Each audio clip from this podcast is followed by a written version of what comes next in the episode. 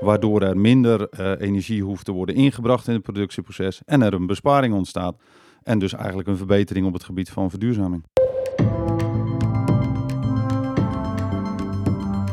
Alles wat je maakt genereert de hele tijd informatie. En dat zijn uitermate waardevolle gegevens.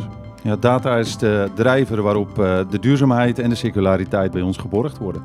Gerard, geef mij voorbeelden van data. Wat kun je allemaal uit iets halen wat je gemaakt hebt? Oh, dat kunnen bijvoorbeeld uh, data zijn vanuit uh, energiegebruik van uh, gebouwen. Hè? Dus meet, data uit de energiemeters.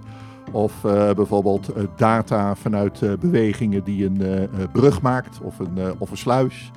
De sky is the limit, er is van alles mogelijk hè, en, als het om die data gaat. En, en, en, dan, en, dan, en dan zegt Jacco, dit is echt extreem belangrijk, dit is de toekomst. Dit is...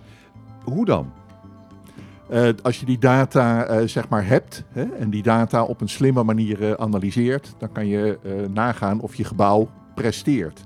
Hè, of je gebouw de prestatie levert waar het voor ontworpen is. Of de brug open of dicht gaat. of dat de brug op tijd ja, dat, open, dat zie je open, toch? open of dicht kan.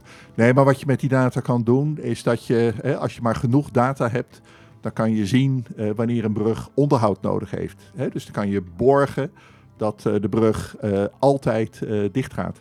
Hoe, hoe weet je dan dat een brug onderhoud nodig heeft? Wat, hoe, hoe, vertelt die data jou wat die brug nodig heeft? Nou, je kan bijvoorbeeld zien dat na duizend open en dicht bewegingen, dat de, brug, de, brug in storing gaat. Hè? En als je dat niet één keer ziet, maar tien keer ziet, dan weet je gewoon dat je voor duizend keer open en dicht naar die brug toe moet. Uh, en dat je onderhoud uh, moet gaan doen. Oké, dat is handig om te weten. Dat heet uh, voorspellend onderhoud. Dat, dat ja. is super handig natuurlijk, maar is nog geen duurzaamheid. Nee, duurzaamheid is een veel breder begrip. duurzaamheid wordt gecreëerd vanuit de data, vanuit het meten en het vertalen naar wat ga je erop bijsturen. Zodat je die besparingen in die slimme gebouwen kunt doen. Zodat je de verkeersmanagementsystemen in de slimme steden kunt optimaliseren. Waardoor dat je minder uitstoot hebt ten aanzien van het uh, verkeer. Maar ook dat die brug eerder dicht kan of uh, makkelijker dicht in plaats van dat je er ieder kwartier of ieder uur een keer open en dicht gaat. Als je de data gebruikt om zowel de beweging van de brug als uh, de analyse te kunnen doen van het verkeer wat onderweg is naar die brug, kun je dat op elkaar laten inspelen. En dat genereert een slimme stad. En wat levert dat dan op aan verduurzaming? Nou, dat uiteindelijk door op een goede manier met bijvoorbeeld je gebouw uh, het aantal mensen wat erin zit om te gaan, kun je dus bepalen dat je op een bepaald moment minder hoeft te verstoken, minder elektriciteit hoeft in te brengen, minder energie hoeft in te brengen. En dat reduceert dus uiteindelijk het equivalent van energie wat je in je gebouw hoeft te stoppen. Heeft ook effect op verkeersstromen dus? Zeker. Op het moment dat je, uh, hoe beter dat je de verkeersstromen kunt monitoren ten aanzien van de richting en uh, windrichtingen bijvoorbeeld, des te beter en gezonder wordt het in het stedelijk gebied. Geert, hoe kom je aan die data? Wat, wat is de beste manier om die data te verzamelen? Uh, als je kijkt naar gebouwen of bruggen of, of sluizen, dan is het nu al zo dat uh, alle apparaten die in die gebouwen staan hè, of, uh, of bruggen uh, data genereren. Hè. En die data die kan je zeg maar ophalen. Hoe, doen, hoe, hoe genereren ze data? bijvoorbeeld doordat er een sensor zit op een hydraulische pomp hè, die de werking van de pomp registreert. Maar wat registreert hij dan precies? die registreert bijvoorbeeld het toerental, het energieverbruik. Hè, die meet of de pomp naar behoren functioneert. He, dus er zijn allerlei data uh, beschikbaar in de assets uh, die wij uh, onderhouden. En de, de truc is dat je die data gewoon op een goede manier uit die gebouwen, uit die bruggen, uit die sluizen haalt. Om, ja, om daar de goede dingen mee te doen. En wat is dan de goede manier? Wat zijn precies de goede dingen? De, zeg maar dat je die uh, borgt dat de data die je, die je uit die assets haalt leesbaar is. dat je die data. Wat, op... wat, bedoel je met leesbaar? Kan het ook niet leesbare data zijn? Je hebt alle apparaten helaas in Nederland hè, die genereren op hun eigen unieke manier data. En wil je de data bruikbaar maken, dan moet je zorgen dat die uh, data op een uniforme manier uh, te lezen zijn. Dat is niet heel handig dat ze dat allemaal op een verschillende manier doen. Nee, maar dat, uh, dat, nee, maar dat heeft te maken natuurlijk met de manier waarop leveranciers hun eigen hardware en software beveiligen.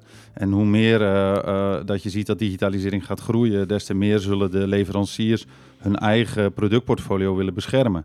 Ja. En dat mag, dat snappen we, dat begrijpen we, maar die ontsluiting van die verschillende sensoren en systemen middels een communicatielaag en een Hmm. protocollaag.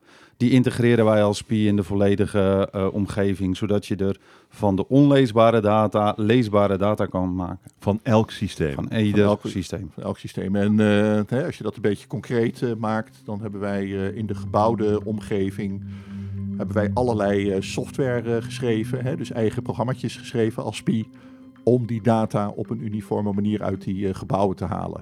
Dus of het nou gaat om een eh, fabrikant eh, A, B, C of D, wij, wij kunnen dat. Je kunt alles, je kunt Wij alles, alles er- eruit eraf halen en met Ja. elkaar vergelijken. Dat is natuurlijk handig. Ja, Ehm, eh, is er, zijn er genoeg dataverzamelingspunten in gebouwen en andere structuren? Is er, is er al voldoende beschikbaar? Ehm, als je kijkt naar eh, de behoeften van, eh, van onze klanten, hè, in de zin van wat willen die klanten met eh, data doen, hè, komen we er nu vaak achter dat er niet voldoende data beschikbaar is. En wat wij dan doen, dat is in die gebouwen of in die brug of in die stedelijke omgeving sensoren bijplaatsen. Hè, die specifieke data op, ophalen. En, en, en waarom heeft een klant eh, het gevoel dat hij onvoldoende data heeft? Wat, wat zijn daarvoor indicatoren? Nou, bijvoorbeeld in een eh, kantoorgebouw. Hè, eh, veel van die kantoorgebouwen die bestaan al heel lang. Heeft vroeger niemand nagedacht dat het ook wel handig is om benutting en bezetting te meten. Hè? Dus hoeveel mensen zijn er in het kantoor? Waar zitten die mensen? Wat doen ze? En waarom moet je dat Om dat, weten? om dat te meten. Nou, waarom je dat wil weten, is eigenlijk twee redenen. Je wil als gebouweigenaar, gebruiker weten, wordt mijn gebouw efficiënt gebruikt? Eh, is de bezettingsgraad van mijn gebouw eh, zodanig dat ik alle vierkante meters nodig heb? Daarom wil je dat weten. Hmm. En de tweede reden is, eh, zeker nu na corona, hè, dat, dat mensen deels thuis werken, deels op kantoor, wordt het helemaal eh, belangrijk om heel precies te weten van wie zijn er op kantoor, waar, wat doen die mensen, eh, eh, aan wat voor werkplek hebben ze behoefte. Ja, wat ze dus- doen, je weet eigenlijk alleen maar waar ze heen gaan en, en waar ze wel of niet zijn. Dat is het toch? Ja, en, hè, maar wat, wat heel nuttig is, is om te meten van zijn ze aan het vergaderen in een vergaderzaal of zitten ze op een werkplek om ge- geconcentreerd werk te doen. En waarom is dat Dus- nuttig om te weten? Eh, om uiteindelijk eh, te zorgen dat je een, eh, een kantoor hebt wat heel goed aansluit op de behoeften van de, van de gebruiker.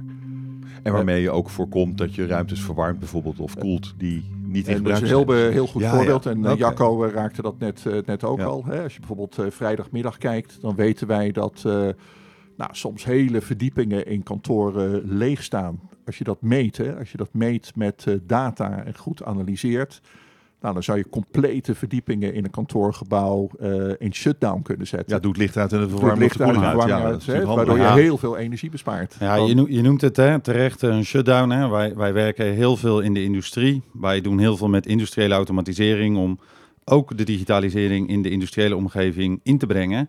Zodat je de processen kunt meten, analyseren en kunt optimaliseren in de omgeving van de klanten.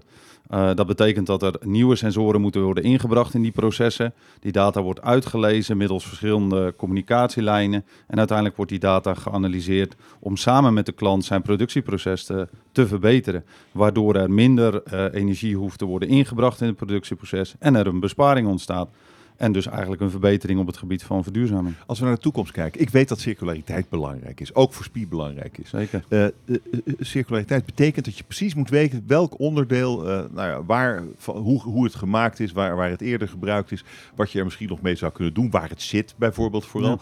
Ehm, ik kan mij voorstellen dat data op dat gebied ook extreem belangrijk is voor de toekomst. Nou, je, ziet het nu eigenlijk al. We, wij ontwerpen de gebouwen en de industrieomgevingen op basis van een, een BIM-model, een digitaal model.